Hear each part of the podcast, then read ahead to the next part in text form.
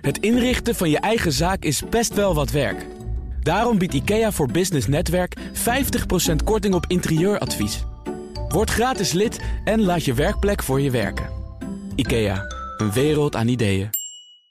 Werkverkenners wordt mede mogelijk gemaakt door NCOI, de opleider van Werken Nederland. Blijf scherp. BNR Nieuwsradio. Werkverkenners. Rens de Jong. In deze BNR Werkverkenners, wat moeten we vinden van de brief van minister Van Gennep over de arbeidsmarkt? En dan in het bijzonder de plannen voor de deeltijd-WW en de draaideurcontracten. We horen van dopperbedenker Marijn Everaars wie zijn leermeester is en waarom. En we bellen een vacature na waar ik nog niet meteen een duidelijk beeld bij had. Nou, dat allemaal zometeen. Maar nu eerst het Werkverkenners nieuws. Werkverkenners. Met Nelleke van der Heijden. Dag Nelleke. Dag Rens. Straks draait het helemaal in deze uitzending om de hervormingsplannen van de arbeidsmarkt. Maar er is wel een punt dat jij nu al wil bespreken. De arbeidsongeschiktheidsverzekering voor ZZP'ers. Vertel. Ja, die wordt verplicht. Ja. Dus alle ZZP'ers moeten zich gaan verzekeren. En daar is meteen heel veel onrust over ontstaan. Want nu is nog maar 20% verzekerd en 80% niet. En die heeft daar vast een of andere reden voor. Maar moet dat nu dus wel gaan doen. En waarom eh, is het dan een issue op dit moment? Nou, ze hebben daar allemaal verschillende redenen voor. De een is bang omdat hij al wat heeft, bijvoorbeeld. Of een eh, chronische ziekte of een burn-out gehad of zo. Dat het sowieso moeilijk is om je te verzekeren. Of een torenhoge premie oplevert. En mensen zijn misschien ook bang dat ze gewoon te weinig verdienen. En er zijn veel vragen van als het puntje bij paaltje komt, krijg ik dan ook echt wel uitbetaald? Of zijn er dan addertjes waardoor ik er niet voor in aanmerking kom? Dus wat krijg ik en wanneer krijg ik het? Nou, volop rumoer dus. Eh, Wordt er door de Belangenvereniging van ZZP'ers nog iets gezegd? Ja, want die hebben natuurlijk hun achterban die ze bezorgd horen zijn. Nou, Christel van de Ven van de Vereniging Zelfstandige Nederland... die ziet ook wel veel haken en ogen nog in de brief van eh, minister Van Gennep hierover. Maar ze ziet ook lichtpuntjes, juist die zorg over de chronische ziekten of eh, de burn-out omdat de verzekering verplicht wordt voor alle zelfstandigen... is het ook verplicht voor de verzekeraars om je te accepteren. Ja. En dan gaat er waarschijnlijk ook wel een soort algemene premie gelden. Dus dan zou het juist voor die mensen met een, met een rugzakje, laat ik het zo noemen... juist ook mee kunnen vallen, een uitkomst bieden. Goed, nou, ik ben heel benieuwd. Ik stel voor dat we er een keer weer een uitzending aan wijden. Laten we dat doen. Goed zo. Dan, vrouwen en fulltime werken. Het beeld was altijd, vrouwen gaan minder werken als ze kinderen krijgen. Dat gaf dan ook de scheefheid in de zorgtaken aan tussen mannen en vrouwen. Maar dat blijkt toch iets genuanceerder te liggen. Nou ja, ja, ik denk dat het nog steeds wel waar is. Maar uit een analyse van het CBS blijkt dat vrouwen op het moment dat ze gaan samenwonen al vaker gaan dan mannen. Ja. En dus niet pas als ze kinderen krijgen. En ze hebben ook in kaart gebracht wat vrouwen en mannen doen een jaar na het behalen van hun diploma. Ze hebben even vaak betaald werk, maar op dat moment heeft 30% van de vrouwen al een parttime baan en bij mannen is dat 14%. Oké, en? Wat moeten we hiermee? Nou ja, het lijkt of vrouwen al voorsorteren op een gezin met eh, kinderen, analyseert het uh, statistiekbureau.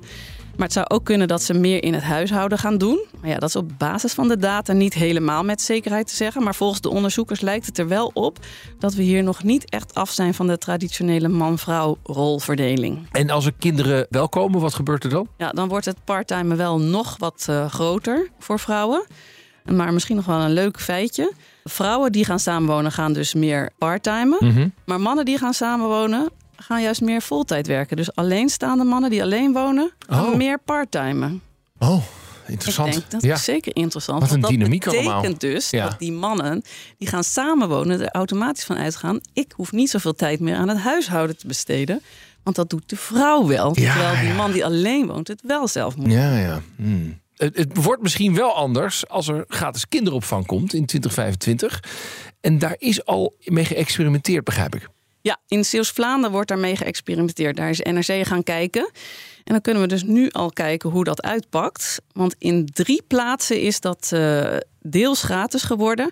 En daar zie je nu al dat een vijfde, ruim een vijfde van de ouders die hun kinderen naar de opvang brengen, meer zijn gaan werken. Nou ja, maar ze hebben toch geen mensen die de opvang Nee, kunnen precies, doen? dat zie je daar ook gebeuren. De druk neemt toe, want er wordt ook inderdaad meer gebruik gemaakt van de opvang. Dus heb je weer grotere opvang nodig, meer medewerkers. En die medewerkers zijn er helemaal niet. Ja. Nou, een klein hoopvol voorbeeld in het stuk is een eh, moeder die nu kon gaan werken omdat ze haar kind naar de opvang kon brengen. Dat kon daarvoor niet. ja. En die werkt nu in de kinderopvang. Goed. Dan, het lijkt niet echt dan te zijn om heel lang bij één werkgever te blijven. Nee, het aantal mensen dat van baan uh, verandert is de afgelopen tien jaar verdubbeld. Dat blijkt uit cijfers van het UWV. Nou, is natuurlijk wel een beetje te verklaren door de krappe arbeidsmarkt. Want het is nu helemaal niet zo eng om van baan te veranderen. Want bevalt het niet, dan vind je zo weer ergens anders een baan. Maar cijfers van het CBS die laten dan weer zien dat mensen die ergens tien jaar of langer werken, die groep is gewoon heel erg aan het krimpen. Oh. Dus blijkbaar is het inderdaad echt nat dan om ergens lang te werken. Ik krijg bijna een beetje het gevoel dat als je op je cv moet invullen, zoals jij, Ja, dank je. dat je 15 jaar of langer bij één werkgever is, dat je dat ook net zo goed moet uitleggen als een gat in je cv. Ja, nou, praat me maar de put in. Ja, nou, Aukje Nauta, schrijver en psycholoog, die reageert daar wel leuk op in het eh, FD. Dus misschien kunnen we haar voor een is leuk. hoopvol. eh, Ja, zeker. bericht- Aukje, ben je daar? Ja, ik ben er. Eh, dat kan echt niet meer tegenwoordig, hè? 15 jaar bij dezelfde werkgever. Hoezo niet? Nou ja, het schijnt kan. dus. Nou ja, maar dat blijkt dus dat het. Nou, dat mensen zich er een beetje voor schamen. Ik moet eerlijk zeggen, ik zeg, ik zit dus al 20 jaar bij BNR, niet allemaal in een vaste rol. En ook, Schaam je? Ja, nou, ik vind het tegenwoordig, als ik dan zeg, ja, ik zit al 20 jaar bij BNR. Ik, ik vind het lang niet zo cool meer dat dat toen ik 10 jaar bij BNR zat, moet ik eerlijk zeggen. Nee, gek is dat. Wat hè? zegt dat En nou iets, over eh, ja, dat, dat zegt ja, over jou dat je graag eh, hip en jeugdig en van alles wilt zijn. Ehm, en ja, twintig jaar bij dezelfde werkgever, dat zegt natuurlijk in eerste instantie iets over je leeftijd. Hè? Daarmee onthul je dat je niet meer piepjong bent. Eh, maar je onthult ook ja, dat je een beetje ingedut bent en iemand die niet nadenkt over, over zijn volgende stap. Maar ja, ik heb daarbij zoiets van, nou en, als je je werk hartstikke leuk vindt en je doet het goed en je ontwikkelt je voortdurend, dan is er niks aan de hand. Maar ja, wij als mensen zijn zo ontzettend geneigd om elkaar de maat te nemen. Je zegt toch ook niet iemand tegen iemand van, jeetje, je bent al al twintig jaar getrouwd, schaam je? En dus, het is, dus het hangt ook heel erg af van de context of we het schaamtevol vinden of niet dat we nou één keer loyaal zijn. Ja. En we hebben dus kennelijk met z'n allen afgesproken dat als het gaat om huwelijksrelaties, die, dat die idealiter levenslang duren. Maar als het gaat om werkrelaties, dan is het ineens schaamtevol. En ik denk van ja, leven en laten leven. Mogen mensen alsjeblieft zelf bedenken eh, welke eh, duur van een eh, werkrelatie bij hen past. Ja, ja, maar go- goed, staat het slecht op een cv? Iemand die heel lang ergens is blijven zitten. Misschien even slecht als een onverklaarbaar gat op het cv? Nou, als je dan op je cv vervolgens eh, zet dat jij inderdaad al twintig jaar precies hetzelfde doet bij die organisatie, dan ja, is dat misschien toch wel een soort van waarschuwingssignaal. Maar ook als je twintig jaar bij dezelfde werkgever zit, ja, dan, dan kan je vervolgens nog een hele rij opsommen eh, van ja, verschillende radioprogramma's waar je aan mee hebt gewerkt, eh, voorzitterschappen die je hebt gedaan, et cetera. Dus dan, dan nog kun je het laten overkomen als een ja, heel rijk cv, lijkt mij. Eh, wat ik grappig vind, jij zegt... soms moet je als werkgever ook niet onderschatten... hoe belangrijk het is als je mensen hebt die er lang zitten. Want die hebben een soort met van kennis... en daar had jij een heel moeilijk woord voor. Ja, tacit knowledge. Dus eh, verborgen kennis. En ik heb daar ook een mooi voorbeeld ooit eens van meegemaakt. Dat was in een ehm, eh, textielfabriek. En daar hadden ze een enorm lange grote machine staan. En die machine die liep eigenlijk steeds vast. En toen hebben ze een aantal gepensioneerde medewerkers weer naar de fabriek gehaald. En die wisten met een paar drukken en wat liefkozingen en aaien van de machine, die machine weer aan de praat te krijgen. Ja. Dat is dus die, die tacit knowledge die, die je uit geen enkele handleiding kunt eh, halen. Nee. Eh, Het, het grappige is, hè, we zien uit de cijfers dat mensen steeds meer jobhoppen. Eh, moet er een herwaardering komen van mensen die gewoon zeggen: Ik vind het hier prettig, ik blijf loyaal aan deze werkgever? Ja, maar ik vind het vooral heel erg belangrijk dat mensen wat dat betreft ook leren om zich niet zo ontzettend veel van anderen aan te trekken, maar hun eigen kompas te volgen. Want als je je eigen authentieke kompas volgt en je weet dat je goed bent in je vak en je weet dat je het naar je zin hebt, dan kun je al die commentaren over jeetje werk je hier al 15 jaar veel beter langs neerleggen dan wanneer je het gevoel hebt van nee het, is ook eigenlijk helemaal niet leuk meer maar ik weet bij god niet wat ik eigenlijk anders met mijn carrière wil. Ja. Ik zag dat jij ook nog ergens in het artikel zei van... stel je voor je zit ergens lang, zorg er dan wel voor dat je gewoon heel veel de vacatures bekijkt... En dat je dan elke keer Ja. kunt concluderen... nou, ik Ja. neem nog steeds de bewuste keus om hier te blijven. Nou, dat mag nog wat verder gaan. Niet alleen de vacatures bekijken, maar heb, voer ook af en toe een netwerkgesprek. En dit eh, baseer ik eigenlijk op onderzoeken naar de type commitment die mensen kunnen voelen bij hun baas. Je kunt een soort van affectieve, emotionele commitment ervaren, dan werk je echt bij je baas omdat je het allerleukste de- baan denkbaar hebt. Of je hebt een soort van, wordt met een moeilijke term continuous commitment genoemd. Oftewel, je zit eigenlijk met gouden ketenen aan, eh, of niet zulke gouden keten, maar je bent helemaal eh, vastgeketend aan een bedrijf omdat je geen alternatieven hebt. Hè? Je, je kent de arbeidsmarkt niet, je, je kan niet zoveel, dus je kan heel erg moeilijk weg. En om er dus voor te zorgen dat je blijft, omdat je ook echt wilt blijven, kan het heel erg helpen om af en toe je alternatieven te verkennen. Want dan weet je zeker ook bij jezelf, ik blijf omdat ik wil en niet omdat ik geen kant op kan. Het was weer heel verhelderend. Dankjewel, Aukje. Graag gedaan. Rens de Jong. En dan de themavraag van deze uitzending. Wat moeten we vinden van de brief van minister Van Gennep over de arbeidsmarkt? De plannen voor de hervorming zijn eindelijk bekendgemaakt. Er lagen al mooie rapporten klaar van de commissie Borslap en de SER... maar toch kwam er daarna nog heel wat bij kijken. Dan krijg je vervolgens nog een keer de politieke uitwerking en de toets op haalbaarheid en de conflicterende regeltjes in zo'n stuk. En alles met elkaar ja, heeft dat toch een kleine vier jaar geduurd. Ja, ik vergeleek het wel met een verbouwing die steeds vertraging oploopt. Ja, ik wou meteen een grap maken over de flexibele arbeidskrachten die we daarbij gebruiken bij zo'n verbouwing, maar dat doe ik maar niet. En behalve de gevraagde adviesrapporten kreeg het kabinet ook ongevraagd advies, bijvoorbeeld over de deeltijd-WW. Ik heb geadviseerd om iets dergelijks in te voeren. Maar dat heb ik op eigen initiatief gedaan. En na al die jaren is nog lang niet echt alles tot in de puntjes uitgewerkt.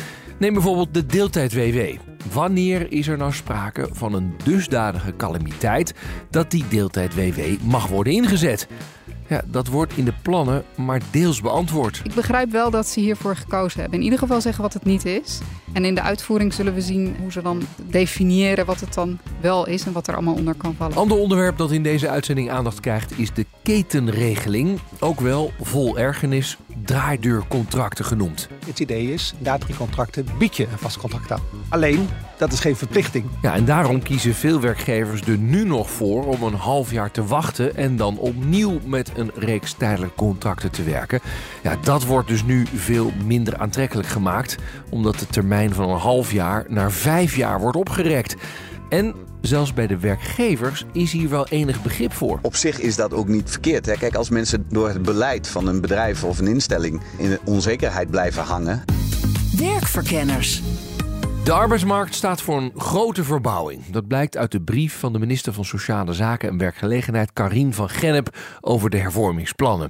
En de verbouwing is te groot om in één uitzending te bespreken. En daarom doen we vandaag wat cherrypicking.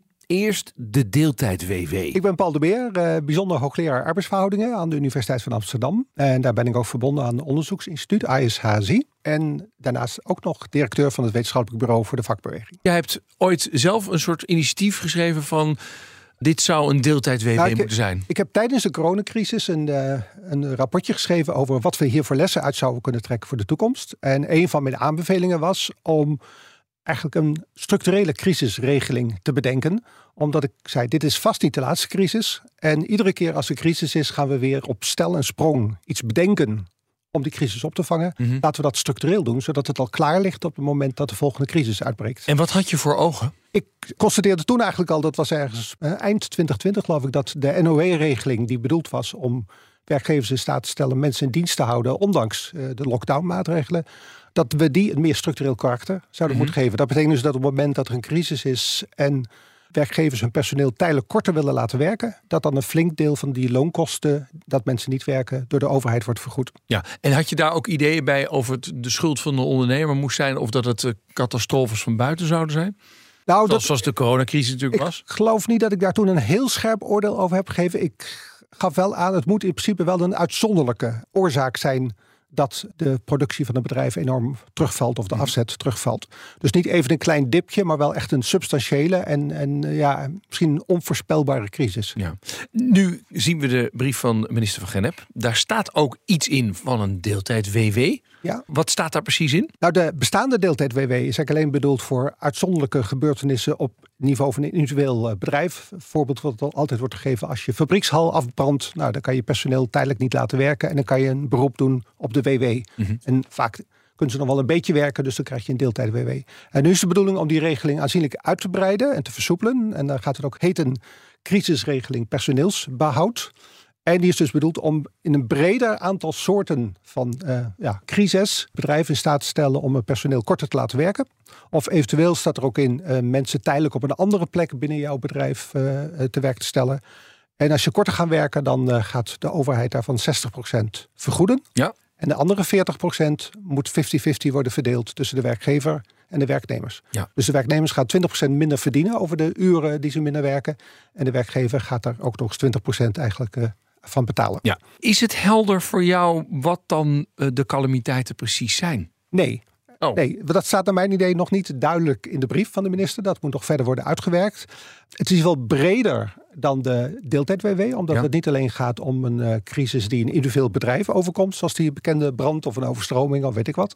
Er wordt nadrukkelijk ook verwezen naar een, eh, een pandemie. Nou ja, dat er ooit weer een pandemie komt, die kans is best aanwezig. Maar de volgende crisis zal waarschijnlijk wel weer een andere crisis zijn. Het is niet helemaal duidelijk onder welke omstandigheden dan er sprake is van een zodanige crisis dat een bedrijf daar gebruik op van kan maken. Staat wel, het is niet per se, het hoeft niet per se geloof ik een landelijke crisis te zijn. Het kan ook een meer gelokaliseerde crisis zijn voor een bepaalde sector of een bepaalde branche. Even wat kritiek die ik ook nog heb gezien. Bijvoorbeeld de maximumtermijn van een half jaar. Ja, lijkt me wat kort. Ik begrijp ook niet precies waarom dat moet worden vastgelegd. De reden zal wel zijn dat bijvoorbeeld het Centraal Planbureau van de NOW-regeling tijdens de coronacrisis heeft gezegd, die duurde eigenlijk te lang.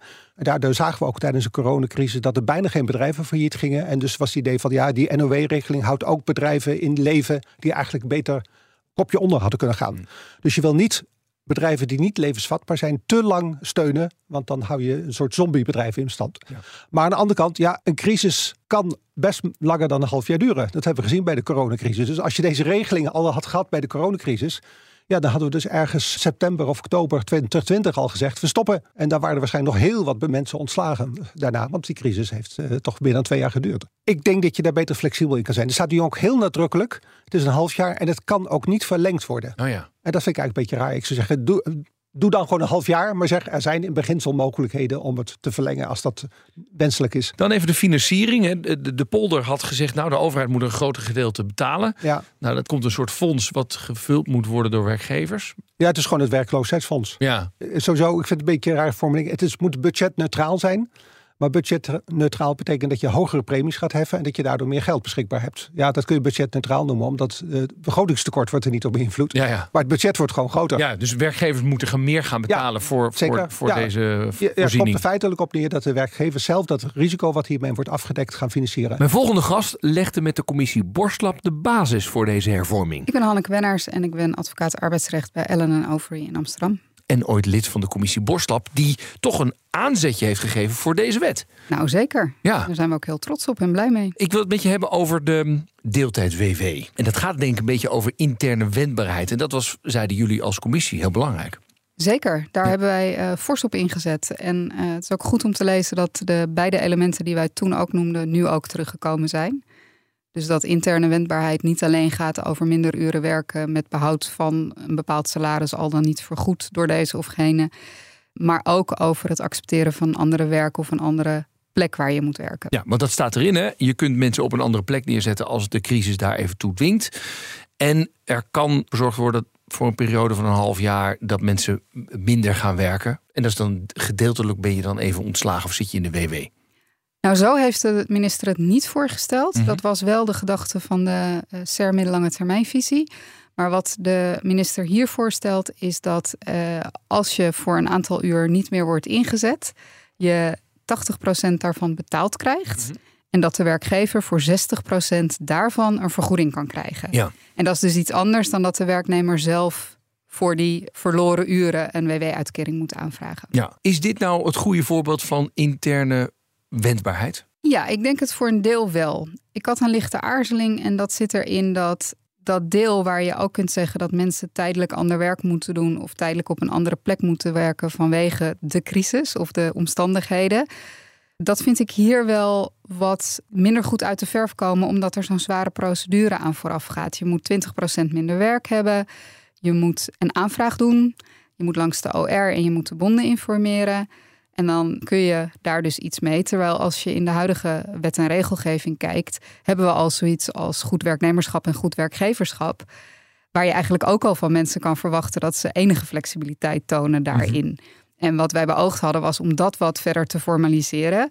Wat meer naar voren te halen. We hebben ook veel discussie over gehad. Ja, maar het kan toch eigenlijk al? Ja, maar niemand doet het echt. Dus misschien moeten we dat wat benadrukken en meer naar voren halen. En nu is het, eh, wordt het bijna moeilijker omdat je iedereen erbij moet gaan halen. Ja, eigenlijk wel, ja. Ik vind het, het doen van een aanvraag om iemand te vragen om een maand lang van een andere locatie te werken. Als je dus in zwaar weer zit, vind ik best een belasting. Ja, ja dus de vraag is even of dit nou echt die interne wendbaarheid bevordert. Als je het zo moeilijk maakt met aanvragen, et cetera. Ja, en er zijn natuurlijk altijd grijstinten. Hè? Natuurlijk ga je iemand niet vragen om van eh, Middelburg naar Groningen te gaan en zeggen: Nou, dat moet je maar gewoon accepteren en zeur niet zo. Maar of je nou aan de ene kant van Amsterdam werkt of aan de andere kant, hè, dan zou je dat niet zo, zo heel zwaar hoeven aanzetten. En dat gedeelte waar je dus minder gaat werken, eh, omdat er een crisis is. Vind je dat inderdaad eh, goed uit de verf komen? Ja, ik vind dat wel goed. Wat ik nog wel intrigerend vind is, maar misschien is dat een verschrijving, dat in de SER middellange termijnvisie wordt gesproken van maximaal 20 procent. Mhm. En dat in de Kamerbrief staat minimaal 20 procent. Dus als je minder gaat werken, dan moet het minimaal een dag minder zijn. Kan bijna niet kloppen, hè? Maar er staat. Naast de bovengenoemde herplaatsingsoptie kan de werkgever ervoor kiezen om werknemers minimaal 20% minder te laten werken. Oh. Er is wel kritiek, hè? Die termijn van zes maanden. Ja. Dat zou te kort zijn, bijvoorbeeld. Wat denk je daarvan? Nou ja, ik denk dat het soms net een bedrijf door een moeilijke periode kan helpen. En het moet dus inderdaad gaan om calamiteiten of crisis, niet om structurele situaties. En in die zin, ja, dan kan je erover twisten of twaalf maanden of zes maanden of acht maanden dan een goede termijn is. Maar ja, ik vind zes maanden eerlijk gezegd niet zo gek. En dat hangt er ook vanaf hoe snel die procedure daarvoor gaat. Als het je drie maanden kost om eh, tot dit punt te komen, ja, dat is misschien niet heel handig. Nee. En de calamiteit, is die helder? Nog niet helemaal, wat mij betreft. Er komt, als het goed is, in de wet een opsomming van wat in ieder geval geen calamiteit is. Mhm. En er is ook al benoemd dat alles wat verzekerbaar is, eh, daar ook niet onder valt. Je zou ook kunnen definiëren van nou ja, dat is dan aan de minister om daar even wat helderheid in te geven. Nou ja, wat ze gedaan hebben, dat vind ik op zich nog wel slim, is dat ze zeggen: we gaan in ieder geval opschrijven wat het niet is. Want je, je kunt natuurlijk niet alle mogelijke crisis voorspellen. Dus dat geeft nog wel wat, wat ruimte. Daarnaast zou je kunnen zeggen, je had dat beter een open norm kunnen laten. Maar goed, we kennen de open norm uit een ander deel van dit dossier, het gezagscriterium. Dat is ook geen garantie voor succes. En mijn laatste gast staat hoorbaar met zijn spreekwoordelijke poten in de klei en doet namens de werkgevers een duit in het zakje. Mijn naam is Jacco Vonhoff, voorzitter MKB. We, we hebben de, de brief gehad van Karien van Gennep over de hervorming van de arbeidsmarkt. Die deeltijd-WW. hè? Ja. Je mag dus bij calamiteiten als werkgever zeggen: Nou, dan, dan gaat iemand even wat minder voor mij werken. Waarom zijn jullie daar tevreden mee? Waarom is dat een voldoende, ja, laten we zeggen, bumper, flexibele schil om je bedrijf heen? Nou ja, wat we natuurlijk de afgelopen ehm, eh, jaren hebben meegemaakt, is dat er naast zeg maar, eh, situaties in een, in een markt, hè, dus de normale economie, er ook eh, hele grote schokken door een economie kunnen gaan. Door, nou ja, eh, eerst bijvoorbeeld corona, de afgelopen tijd natuurlijk alle gevolgen van de, de inval in de Oekraïne. En dan kun je je als bedrijf eigenlijk niet heel snel aanpassen op die veranderende werkelijkheid. En in het verleden hadden we daar eigenlijk geen, goed, geen goede arrangementen voor. Er was wel zoiets als een deeltijd WW, maar daar, daar zaten heel veel praktische bezwaren aan en veel toetsen. En over het algemeen ook eh, was dat voor bedrijven lastig werkbaar. En door deze, ja, je noemt hem deeltijd WW, maar we moeten er nog een ander woord voor bedenken, denk ik. Maar door deze constructie die we nu hebben bedacht, hè, waarbij je aan de ene kant het aantal uren van je werknemers terug kunt brengen. En een deel van de, nou, laten we zeggen, het verschil wordt dan door de werknemer gedragen. Een deel van het verschil door de werkgever. En een stukje door de, door de overheid. Maakt dat bedrijven in dit soort nou ja, hele cruciale momenten, als er iets heel dramatisch verandert, maar het bedrijf in de toekomst door kan, mits ze even kunnen terugschakelen. Ja. Ja, daar is dit een oplossing. Nou, nou is het nog niet helemaal duidelijk, hè, want dat is dan ingewikkeld. Wat dan die omstandigheden zijn. Ja. Maar ja, dat is wel vaker eh, met voorgenomen nieuw beleid. Dat, je, dat het allemaal nog wel getoetst moet worden in de praktijk. Van ja, wat, wat is dan zo'n schok? En wanneer kun je het inroepen? Nou, dat was inderdaad mijn vraag. Is voor jou helder wat zo'n schok dan is? Maar dat is dus niet zo. Nee, kijk, de afgelopen paar jaar hebben we al bewezen dat dat soort schokken er zijn. En ik denk dat beide situaties eh, geschikt zouden zijn geweest voor zo'n regeling. Hè. We hebben in corona daar natuurlijk eh, ook tijdelijke regelingen gehad, zoals de NOW, die voorzagen in het absorberen van zo'n externe schok. Dat wilden we nu wat meer structureel. Dus een regeling waar je versneld op kan teruggrijpen op het moment dat zo'n schok zich aandient. Zonder dat je eerst met z'n allen in paniek hele generieke regelingen moet gaan maken. Maar ja, wat kwalificeert zich daarvoor? Ja, nou ja, ik denk dat bijvoorbeeld de, de inval in de Oekraïne er één is. Ja, en zo kun je nog wel wat Ja. spanningen in de wereld, hè, de, de geopolitieke spanningen. Maar in sommige gevallen kan het natuurlijk ook iets te maken hebben met eh, energievoorziening. Ja, ja. Maar dat Eh, moet dan blijken, want eh, de minister heeft er volgens mij ingezet wat het allemaal niet is. En de rest, dat moet dan nog uitgewerkt worden, begrijp ik. Ja, ik denk dat daar gaat de praktijk uiteindelijk laten zien of deze regeling geschikt is voor de context die ik net bedoelde. En dan zal het altijd nog een politieke keuze zijn of een situatie onder de regeling valt of niet. En dan moeten we zien hoe die in de toekomst echt werkbaar wordt.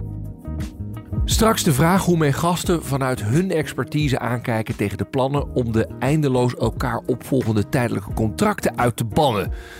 Maar nu eerst werk als programmamedewerker bij Health RI. En ja, dat wordt helemaal duidelijk wat dat inhoudt. De vacature.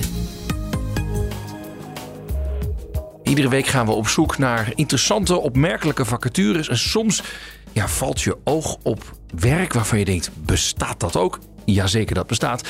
Bijvoorbeeld een programmamedewerker ethische, juridische en maatschappelijke aspecten bij Health RI. Ja, ja, hele mond vol. We gaan eens even bellen met Anne-Lotte Bekkers, programmamanager bij die instelling.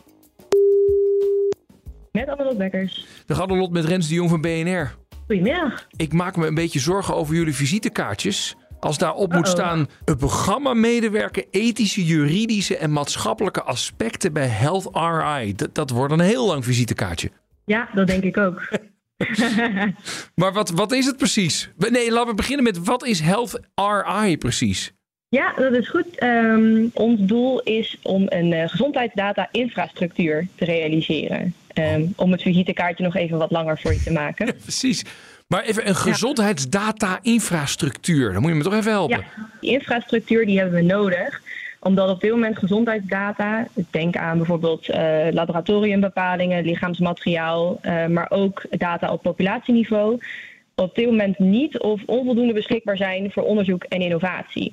Dus ik, Ja. want er is iets van een persoonlijk patiëntendossier van mij, maar dat, Ja, dat heeft mijn arts.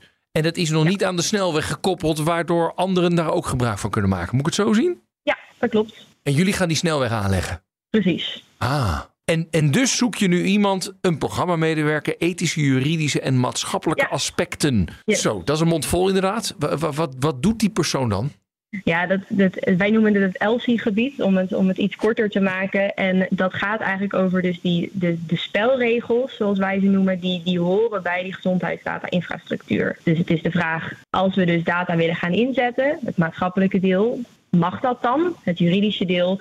En moeten we dat ook doen, het ethische stuk? Ah ja, want, want technisch kan er natuurlijk alles, maar op een gegeven moment moet je wel op allerlei dingen rekening houden en, en vangrails aanbrengen. Precies. Ja, ja. Wat voor mensen zoek je dan? Want deze ervaring heeft niet iedereen natuurlijk. Nee, we zoeken eigenlijk, ja, we noemen het altijd voor de liefhebber. En eigenlijk is dat het ook wel. Dus we zoeken iemand die maatschappelijk betrokken is en eigenlijk na het horen van het verhaal en de missie denkt dat dat een hele toffe missie is waar die persoon graag aan zou willen bijdragen eh, en de tanden in wil bijten. Ja. Ehm, het is niet zozeer dat je nou zegt, nou we zoeken een jurist, een ethicus of een socioloog. Alhoewel dat natuurlijk wel mag. Ja. Maar het gaat veel meer om die interesse. Maar moet je, moet je eh, iets gestudeerd hebben waar je zegt, nou dat is wel prettig, want dan weet je er iets van? Ehm, nou ja, het is altijd prettig om, om affiniteit te hebben met, met de wereld van, van de gezondheid. Dus eh, gezondheidswetenschappen of, of, of gezondheidsrechten. dat, dat, ja, dat, is een, dat zou fijn zijn. Eh, maar daar willen we niet, ehm, we willen niet zeggen dat mensen zonder een, met een andere studie daar niet mee eh, aan de slag zouden Nee, want ik kan me ook voorstellen dat je als je veel met data hebt gewerkt en ook met ethische kwesties eh, op een heel ander vlak, dan zou je hier natuurlijk ook best geschikt voor kunnen zijn. Ja, dat denk ik ook. Ja, st- stromen de reacties al binnen of niet? Ja, we hebben de vacature echt net uitgezet. Dus eh, op dit moment hebben we nog niet heel veel ontvangen. Oké, nou Maar we merken over het algemeen wel dat, dat, dat ja, voor Health Rider best wel wat eh, reacties altijd binnenkomen. Oké, nou hopelijk eh, na deze uitzending eh, steeds meer en is hij onder de aandacht gekomen. Ja, dankjewel. Oké, succes. Hoi. Fijne dag nog. Doei doeg. Rens de Jong. Nou, bijzondere baan dus, waarvoor je precieze achtergrond dus niet zo heel veel uitmaakt. Terug naar de themavraag van vandaag, want we willen die draaideurcontracten nog uitlichten. Nou, wat zijn dat ook alweer precies en waarom wil het kabinet ervan af? Dat kan arbeidsrechtadvocaat Hanneke Benhaars als geen ander uitleggen. Nu is het zo dat je na drie contracten, of als de tijdelijke contracten drie jaar hebben geduurd, een vast contract hebt. Mhm. En dan is het zo dat als er ruimte tussen die contracten zit, als dat maar korter is dan zes maanden, dan wordt er doorgeteld. Dus de, de tussenpoos noemen we dat. Ja. En dat betekent dus dat als je drie jaar contract hebt gehad en je wacht een half jaar, dan kun je weer opnieuw beginnen. Nou, dat is de draaideur. Dat blijft voor een deel bestaan, maar die zes maanden tussenpoos wordt een administratieve vervaltermijn van vijf jaar. Ja. Het, het term administratieve vervaltermijn was even, even nadenken wat daarmee wordt bedoeld. Maar die vijf jaar vind ik heel intrigerend. Ik denk dat het zo wordt dat je in die drie jaar verschillende contracten kan aanbieden, max drie. Ja. En daarna even vijf jaar op je handen moet gaan zitten. Ja. Wat, wat, wat vind jij van die vijf jaar? Ja, ik vind dat wel heel lang. En ik weet niet of dat er nou uiteindelijk toe leidt dat werkgevers zullen zeggen: Oh, maar dan neem ik je gewoon in dienst. Want de gedachte dat ik vijf jaar op, moet- op je moet wachten, dat is, me, dat is me te veel. Dat denk ik niet. Je denkt niet dat dit verzorgt dat mensen makkelijker in dienst worden genomen? Of juist Nee, ik denk eerder dat werkgevers op zoek gaan naar iemand anders Ja? voor het invullen van die functie. En waarom denk je dat dan? Nou ja, dat hangt van de functie af. Want als het gaat om functies waarbij nou, de kwaliteiten die de werknemer heeft bijvoorbeeld heel schaars zijn, of de werknemer heel belangrijk is voor het bedrijf, dan zal je sneller al iemand in vaste dienst hebben genomen als het wederzijds werkt. Ik bedoel, drie jaar is lang om aan elkaar te ruiken. Meestal weet je het na een half jaar of een jaar of twee jaar wel. Dus ja, daar zal het denk ik niet voor veranderen. Maar voor werk dat tamelijk vervangbaar is en waarbij de reden om tijdelijke contracten te sluiten vooral zit in het makkelijk ervan af kunnen, dan denk ik niet dat een werkgever snel zal zeggen: eh, kom maar in vaste dienst. Ja, ja, die- eigenlijk zeg je van als je al bij de derde, bij de derde contract terecht bent gekomen. Ja, waarschijnlijk ben je dan toch nog voor niet mega veel waarde voor het bedrijf. En dan gaan ze waarschijnlijk gewoon weer naar iemand anders zoeken. Ik denk dat dat van de functie afhangt. Niet Ja, ja. zozeer van de persoon, maar Nee, van nee, het type functie exact, waar je ja. hele specifieke mensen voor nodig hebt. Of waarbij het gewoon bulkwerk is en het niet zo heel veel uitmaakt. Wie Maar dan lossen we toch niet zo heel veel op hiermee. Ja, dat vraag ik me ook inderdaad af. Ja. Hmm. Maar had een andere termijn daar dan in geholpen? Nee, dat denk ik niet. Nee, ik denk dat dan had je gewoon iets anders moeten bedenken. Ja.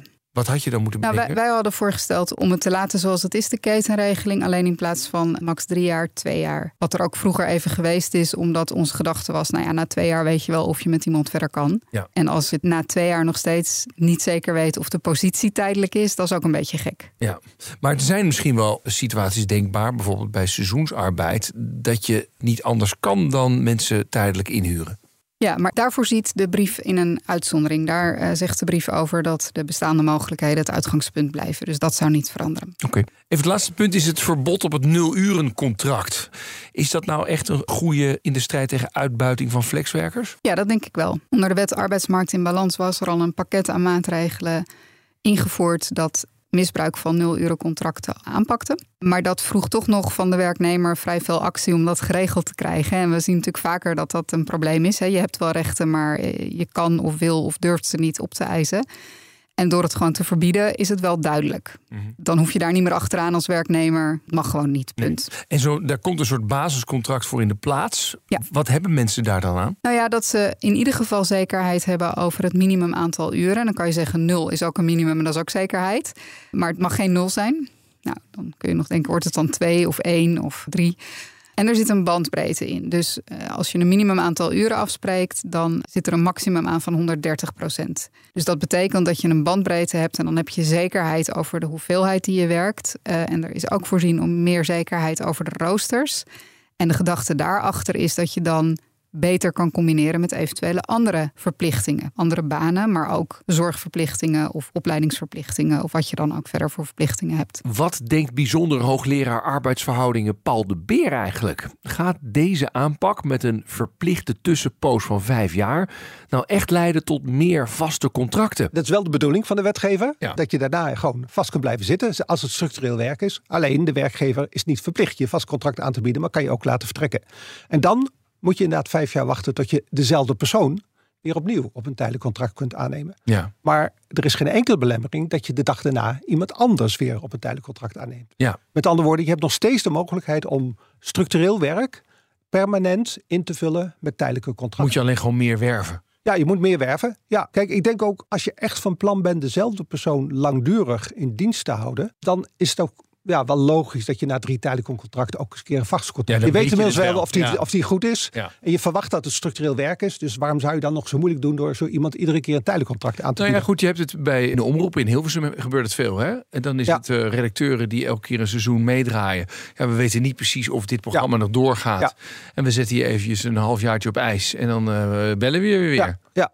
Nou ja, in, in dat soort situaties, die zijn er natuurlijk wel, waar ieder jaar weer onzekerheid is of je vol- voldoende budget ook hebt voor bepaalde werkzaamheden. En dan is de kans natuurlijk groot dat men er dan toch voor zal kiezen om niet dan vijf jaar eh, dat maar niet te doen. Nee. en ook misschien niet een vast contract aan te bieden, maar gewoon een nieuw iemand daarvoor aan te trekken. Nou ja, het, het punt is natuurlijk, ik denk nog steeds dat werkgevers blijven een soort met van flexibiliteit willen houden. Zeker. En dan is een jaarcontract soms ook wel flexibel. Want dat tapt altijd een beetje zo in de tijd af. En dan denk je, nou ja, goed, dan gaan we die niet meer opnieuw aanstellen. Gaat onze FTE-druk behoorlijk naar beneden. Ik denk dat bedrijven dat willen blijven houden. Dus dat maakt zo'n periode niet meer uit. Dan ga je gewoon, ja, oké, dan gaan we hem weer werven. Want we mogen je toch, we gaan je, je bent onderdeel van toch nog een beetje het kussentje. En je bent misschien niet goed genoeg om eh, vast te komen. Ja. Dus dan de volgende. Ja, tegelijkertijd, we moeten niet toch het beeld te veel in leven houden dat als je eenmaal een vast contract aanbiedt, dat je dan nooit meer van iemand af kan. Als iemand nog maar vrij kort op een vast contract zit en hij of zij blijkt toch niet goed te functioneren, of, of misschien nog voor de hand liggender, er is geen werk meer, dan kun je wel degelijk zo iemand ontslaan. En dat is nu al in de huidige regeling, hè? En die, die ontslagbescherming is natuurlijk wel degelijk versoepeld. Er zijn meer gronden waarop je mensen kunt ontslaan. De transitievergoeding die betaal je zowel voor tijdelijke krachten als voor vaste krachten. Dus dat is ook geen verschil meer. Dus ehm, het idee dat als je eenmaal vast contract biedt, dat je dan definitief aan vast zit, dat is denk ik gewoon niet, niet terecht. Nee. En vanuit, als je verwachting is dat het structureel werk is, denk je dat je dan als werkgever ver uit het verstandigstand doet om iemand een vast contract aan te bieden. Zeker na drie tijdelijke contracten als iemand goed functioneert. Eh, Dus het gaat toch, naar mijn idee, toch primair om werk wat erg onzeker is. En waar de persoon die het doet blijkbaar niet zo heel erg belangrijk is. Met dat door de ene persoon is makkelijk te vervangen door de andere. Dan loop je dus het risico dat bedrijven inderdaad iedere keer weer nieuwe mensen op tijdelijke contracten gaan aannemen. Ja, maar, maar juist dat punt, want daar hadden we het vaak Ja. over. Kwetsbare mensen, eh, voor jou 23 anderen. Nou, is dat, ik weet niet of dat in deze arbeidsmarkt nog steeds zo is. Maar dat soort kwetsbare mensen, die makkelijk vervangen kunnen worden. Gaat zo'n termijn van vijf jaar dan leiden tot meer of minder vaste contracten? Ja, nou dat hebben we natuurlijk iedere keer als we iets gaan veranderen aan dit soort regels. Dan is de vraag, gaat er gebeuren wat de wetgever beoogt? Namelijk meer vaste contracten. Me- mensen gaan sneller van tijdelijk naar vast. Of gaat precies het omgekeerde gebeuren? Dat op het moment dat er een keuze gemaakt moet worden, de werkgever zegt, nou dan neem ik maar afscheid van jou. Het is moeilijk te voorspellen. Wat ik wel belangrijk vind, dit hele initiatief van het kabinet, en dat is natuurlijk iets wat nu al de afgelopen jaren steeds meer steun krijgt, draagt de doel in zich. We moeten naar een soort cultuuromslag waarbij het weer standaard wordt, gebruikelijk wordt dat je voor structureel werk vaste contracten biedt. Ja. Of dat met al deze regels daadwerkelijk kan worden afgedwongen, dat is zeer de vraag. Maar ik denk dat het wel kan bijdragen aan het versterken van die cultuuromslag die toch al aan het plaatsvinden is. Dat we het eigenlijk niet meer normaal moeten vinden dat mensen zo langdurig op onzekere contracten zitten. Ja. Dat ook werkgevers het eigenlijk toch weer een beetje als een taak moeten zien om zoveel mogelijk mensen wel die zekerheid te bieden. En zeg jij dan van, oké, misschien weten we niet of deze wetten daar echt impact op gaan hebben. Maar het feit dat je het zegt en dat je het elke keer uitdraagt, jongens, voor structureel werk is er maar één antwoord mogelijk en dat is een vast contract. Dat, dat, dat werkgevers zich daar ook naar gaan gedragen. Ik zou zelf durven te beweren dat soms de intentie eh, die je uitspreekt met een wet belangrijker is dan de wetstekst zelf. Oh ja? Vooral als die intentie breed gedragen wordt. Hoe zou jij dit vraagstuk aanpakken? Positie van de flexor zekerder maken? Ik zou een veel radicalere wijziging willen voorstellen. Dat is in de, ook in, in de internationale literatuur kom je dat tegen. De, de OESO heeft dat ooit wel eens gesuggereerd. eh, dat het heet het zogenaamd eh, uniform contract voor onbepaalde tijd. Dat betekent dat je alle verschillen tussen tijdelijke en, en vaste contracten... of contracten voor bepaalde en onbepaalde tijd laat vervallen. Er komt één type contract voor onbepaalde tijd. En dat is letterlijk onbepaald. Dat betekent dat je dus niet van tevoren weet hoe lang je op zo'n contract zult zitten. En de mate van ontslagbescherming die mensen hebben, neemt langzaamaan toe naarmate ze langer op zo'n baan zitten. En het grote voordeel daarvan is dat er nooit zo'n moment komt, zoals we nu na drie jaar hebben, of na twee jaar hebben, of na drie contracten hebben, of wat dan ook. Zo'n moment waarop een werkgever moet beslissen: oh, Ja, nu moet ik je eigenlijk een vast contract aanbieden. Dan krijg ik heel veel extra verplichtingen. Of ik laat je vertrekken. Zo'n césure die nu ertoe leidt dat er eigenlijk vaak onbedoelde effecten optreden, zou je dan kwijt zijn. Want iedere dag dat iemand langer in dienst is, krijgt hij ietsje meer rechten. Maar dat is zo'n klein verschil dat dat nooit de reden hoeft te zijn om te zeggen: Oh, nu laat ik je vertrekken. Dat zit er deze keer niet in, hè? Nee, nee dat zit er zeker niet in. Nee. Volgende keer. Ja, wie weet. Ik hoop het. Ja, kijk, één ding is zeker: dit zal niet de laatste hervorming worden van ons hele arbeidsmarktbestel. Aan de voorzitter van MKB Nederland, Jacco Vonhoff, leg ik de verwachting voor dat die termijn van vijf jaar ervoor gaat zorgen dat werkgevers na drie tijdelijke contracten eerder overstappen naar een volgende tijdelijke kracht dan dat ze een vast contract aanbieden. Ziet hij die kans door deze termijn ook toenemen? Daar waar bedrijven echt gericht kiezen om die zekerheid niet te willen bieden, ja, die gaan een andere weg zoeken. Ik heb altijd gezegd dat is de minderheid. Maar natuurlijk moeten we daar wat aan doen, want het is, het is ongewenst. Dus er zullen vast weer bedrijven, ondernemers zijn die hier en daar de grens op gaan zoeken of het gedrag gaan vertonen wat we liever niet hadden, zeg maar. Aan de andere kant denk ik dat heel veel weldenkende ondernemers die nu zien dat die tekorten op de arbeidsmarkt alleen maar oplopen en werknemers niet meer met bosjes voor de deur liggen van baan, dat die toch heel goed gaan kijken van joh, misschien is het wel heel verstandig om iemand, mensen aan me te binden met een vast contract. In de plaats van ze eerst weg te sturen en dan op zoek te moeten naar iets wat ik misschien niet kan vinden. Maar dat is meer de arbeidsmarkt, denk ik, die dat gaat ingeven dan de wetgeving zelf. Nou ja, en er zullen nog wel wat sectoren zijn, eh, denk aan de omroepen, eh, die toch wel dan een redelijke culturele omslag moeten gaan bewerkstelligen, toch? Ja, nou ja, op zich is dat ook niet verkeerd. Hè? En als je het niet oplost, ben je straks als omroep uh, de sjaak, want dan heb je de mensen niet meer. Ja, dan vraagt dat natuurlijk gewoon ander personeelsbeleid. Andere kijk op hoe ga ik om met de mensen die voor ons de producten en de diensten leveren. Ja. Ja, lijkt mij logisch. En het is vaak zo, hè, dus de, als de wereld, als, als zeg maar de omstandigheden veranderen, dan verander je een deel van je gedrag. Ja. Ik had hier in de studio Paul de Beer zitten en die zegt: Nou, het grappige is, het gaat soms niet eens zozeer over de uitwerking van de wet, maar als je maar als wetgever elke keer blijft herhalen, vast moet de norm worden. Dan, dan gaat iedereen zich daar ook wel een beetje soort naar gedragen. Het is bijna een soort reclamecampagne van: oh ja, nee, maar dit is, dit is hoe we het horen te doen. Ben jij het daarmee eens dat dat, dat er een soort met van culturele uitwerking ook van uitgaat? Ja, misschien wel. Maar dan kun je misschien beter uh, Postbus 51 filmpjes maken dan mij uh, vier jaar lang aan tafel zetten tot uh, s'nachts half vier.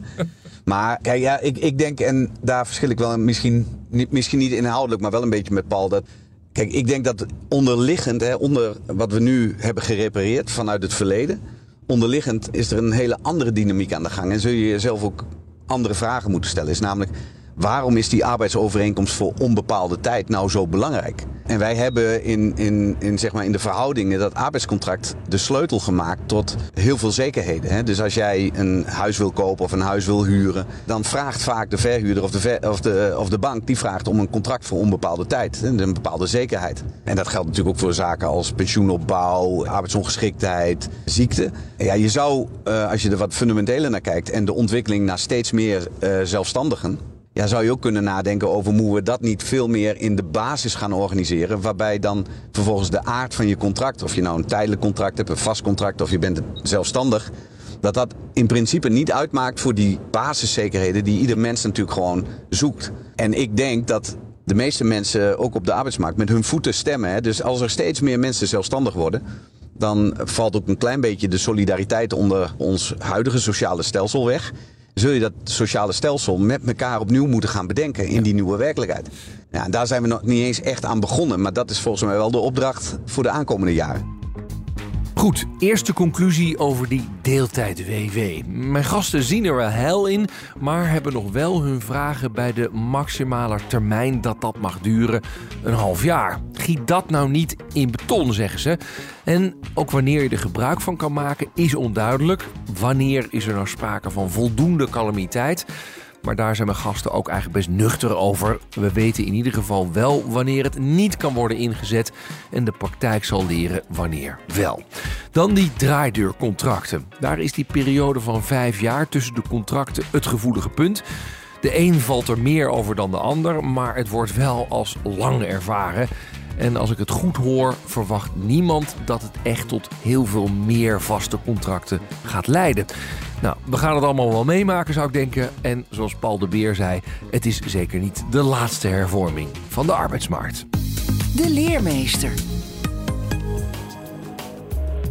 Laatste onderdeel van deze uitzending, de leermeester. Wie zorgde bij jou voor een kantelpunt in je carrière? Eh, Wie maakte dat je een andere afslag koos? Of hielp je een stap te zetten die anders helemaal niet durfde te zetten?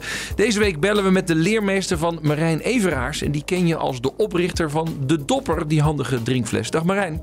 Goedendag. Ehm, wie is jouw leermeester? Eh, mevrouw Rijks is dat. Dat eh, is of was de eigenaresse van restaurant De Rijke Jonker in Wormerveer. Dat helaas niet meer bestaat. Oh jeetje. Dus, eh, en, en even, wat is, wat is in het kort het verhaal? Als je me vraagt als zijnde eh, dat zij haar, mijn leenmeester is eh, geweest... is het verhaal dat het eh, mijn eerste ehm, ja, stageadres is geweest. En ehm, zij was eigenlijk het eerste adres waar ik eh, echt geleerd heb... hoe het vak eh, in elkaar eh, zit. Oh, en alles wat daarbij komt kijken. Wat leuk. Nou, daar gaan we er straks over verder praten. Ik, ik stel voor om haar even te gaan bellen. Ja, ik ben benieuwd. Ja, ik ook. Eens even kijken. Dus Els, Els Rijks van restaurant De Rijke Jonker is het, hè, geloof ik? Ja, voor mij is het mevrouw Rijks. Oh, mevrouw Rijks. Oké, goed. Dat zal, zal ik Zo ben ook- ik daar opgevoed. ik dan, dan, zal, zal ik daar ook eh, mee rekening houden. Komt-ie. Goedemorgen met Els. Dag mevrouw Rijks met Rens de Jong van BNR Nieuwsradio. Ja, Ja, Eh, ik bel u vanwege onze rubriek De Leermeester. Iemand heeft u aangewezen als eh, eh, zijn of haar leermeester. ik voel me zeer vereerd. Ja, en het is iemand die zegt, nou, ik durf echt niet Els te zeggen. Want bij mij was het altijd mevrouw Rijks. Mevrouw Rijks. ik ben erg benieuwd wie het, wie het is. Ja, goed. Ja, maak je maar bekend. Ja, hier is Marijn. Ja, zie je wel, dag Marijn. Ik dacht het al. Oh ja? Ik, had, ik heb het er Ja. met Jeroen over gehad en we hadden een paar mensen. Toen dacht ik van nou, dat moet Marijn zijn. Die is succesvol geworden en eh, misschien hebben wij een heel klein aanzetje daartoe gegeven. Ja, wat leuk. Marijn, leg eens uit eh, voor de luisteraars en, en, en voor mevrouw Rijks... waarom, wa- wat je hebt geleerd. Nou, er was me eh, ontzettend leuk om eh, met u te spreken, mevrouw Rijks. Aan de telefoon, Ja. zo, via BNR. Echt super bijzonder. En eh, nou, ik denk dat er echt een hele grote basis voor wat ik nu doe... ligt echt bij restaurant De Rijke Jonker en bij, bij u en ook bij uw zoon. En ja, als er nou één specifiek moment is, zeg maar het verkopen van het menu... dat klinkt nu heel simpel misschien, het verkopen van een menu... Maar als je van niks weet en je komt daar als een jong jochie binnen... eh, ja, dan moet je aan tafel eh, ja, alle gênes van je afgooien... eh, en, en opeens tegen mensen gaan vertellen wat ze moeten eten vanavond. Nou, dat klinkt als moeten. Maar ja, ik heb daar echt geleerd om het, het podium te pakken eigenlijk... en om iets bijzonders te vertellen. Dus niet wat is het menu vandaag... maar ik ga u een hele bijzondere avond gaat u beleven. En dat doet u onder andere met een menu. Mevrouw Rijks, u kunt Marijn nog herinneren, begrijp ik, hè? Ja, zeker. Ik kan Marijn heel goed herinneren. Het was een van onze meest actieve leerlingen ook. Hij, hij dacht altijd mee. Ik, weet, ik kan me nog goed herinneren, we hadden een keer een bruiloft op een boot. Wij woonden aan de Zaan. Dus er lag een boot voor de deur en die mensen zouden een een rondvaart maken naar de Zaanse Schans. Maar het regende heel hard. Althans, het was eh, voorspeld dat er de volgende dag, wanneer de bruiloft was, zou gaan regenen. Marijn die komt al heel vroeg. Hij moest pas om twee uur werken of zo. Maar hij komt om elf uur al, had een stapel paraplu's mee. Want hij zegt van, ja, eh, misschien worden die mensen anders wel nat. Dus ik heb zoveel paraplu's meegenomen. Dus hij was altijd aan het meedenken. En het, eh, het was al een echte ondernemer. Ja, ja. En, en, en, en wa- wa- wa- wat hij nu vertelt, hè, dat hij het een beetje bij u heeft afgekeken, dat herkent u wel of niet? Ja, dat herken ik zeker. Ik probeerde altijd de leerlingen heel erg te stimuleren. En het vak, eh, het is gewoon, het is een prachtig vak. En dat ook uit te dragen. En ook te vertellen dat we hard moeten werken. Maar dat het wel eh, resultaat heeft. Ja, en, en u en uw man volgen Marijn dus wel een beetje. Want u zei al van nou, die is succesvol geworden. Dus ik neem aan dat u er de krant even in de gaten houdt en zo. Ja, we hebben Marijn altijd in de gaten gehouden. Hij heeft ook heel veel contact gehad, eh, gehouden met onze, kin met onze kinderen. Eh, ze waren dezelfde leeftijd, dus ik zag Marijn ook een beetje als mijn zoon. Ja. Ja, ja. En Ja. eh, ja, iedereen heeft hè? contact. Ja, ze voelden het ook wel, hè? Ja? Ja, maar, Ja, maar hij voelde het ja. zo, ja? Ja, het was echt het was een familiebedrijf, maar ik voelde me echt wel onderdeel van de familie. Ik ging met alles mee, eh, bij wijze van spreken. Wat er, eh, ja, het was ook voor hun het leven. Dus eh, ja, daar stapte ik middenin en daar word je gewoon onderdeel van. Nou, mevrouw Rijks, wel leuk om te horen, toch? Dat u, dat u eh, aan het begin van iemands carrière toch echt zo'n invloed hebt kunnen zijn. Nou, zeker weten. Ja, dat doet me heel erg goed. Ja, goed zo. Ja. Nou, fijn om jullie even geconnect te hebben met elkaar. Ja, dankjewel. Ja, en Marijn, dankjewel. ik wens je nog heel veel succes en het aller, allerbeste. Dank u wel. Voor u en Ja. uw gezin ook. En uw familie. Ja. ja. Dankjewel. Oké, tot ziens. Dag. Dit was Werkverkenners voor deze week. Volgende week dan krijg je weer een verse op dinsdag om 3 uur. En natuurlijk in je favoriete podcast-app kun je hem op ieder moment terugluisteren. Productie en redactie Nelleke van der Heijden, Emma Somsen. Mijn naam is Rens de Jong. En graag tot de volgende keer. Dag. Werkverkenners wordt mede mogelijk gemaakt door NCOI, de opleider van Werken Nederland.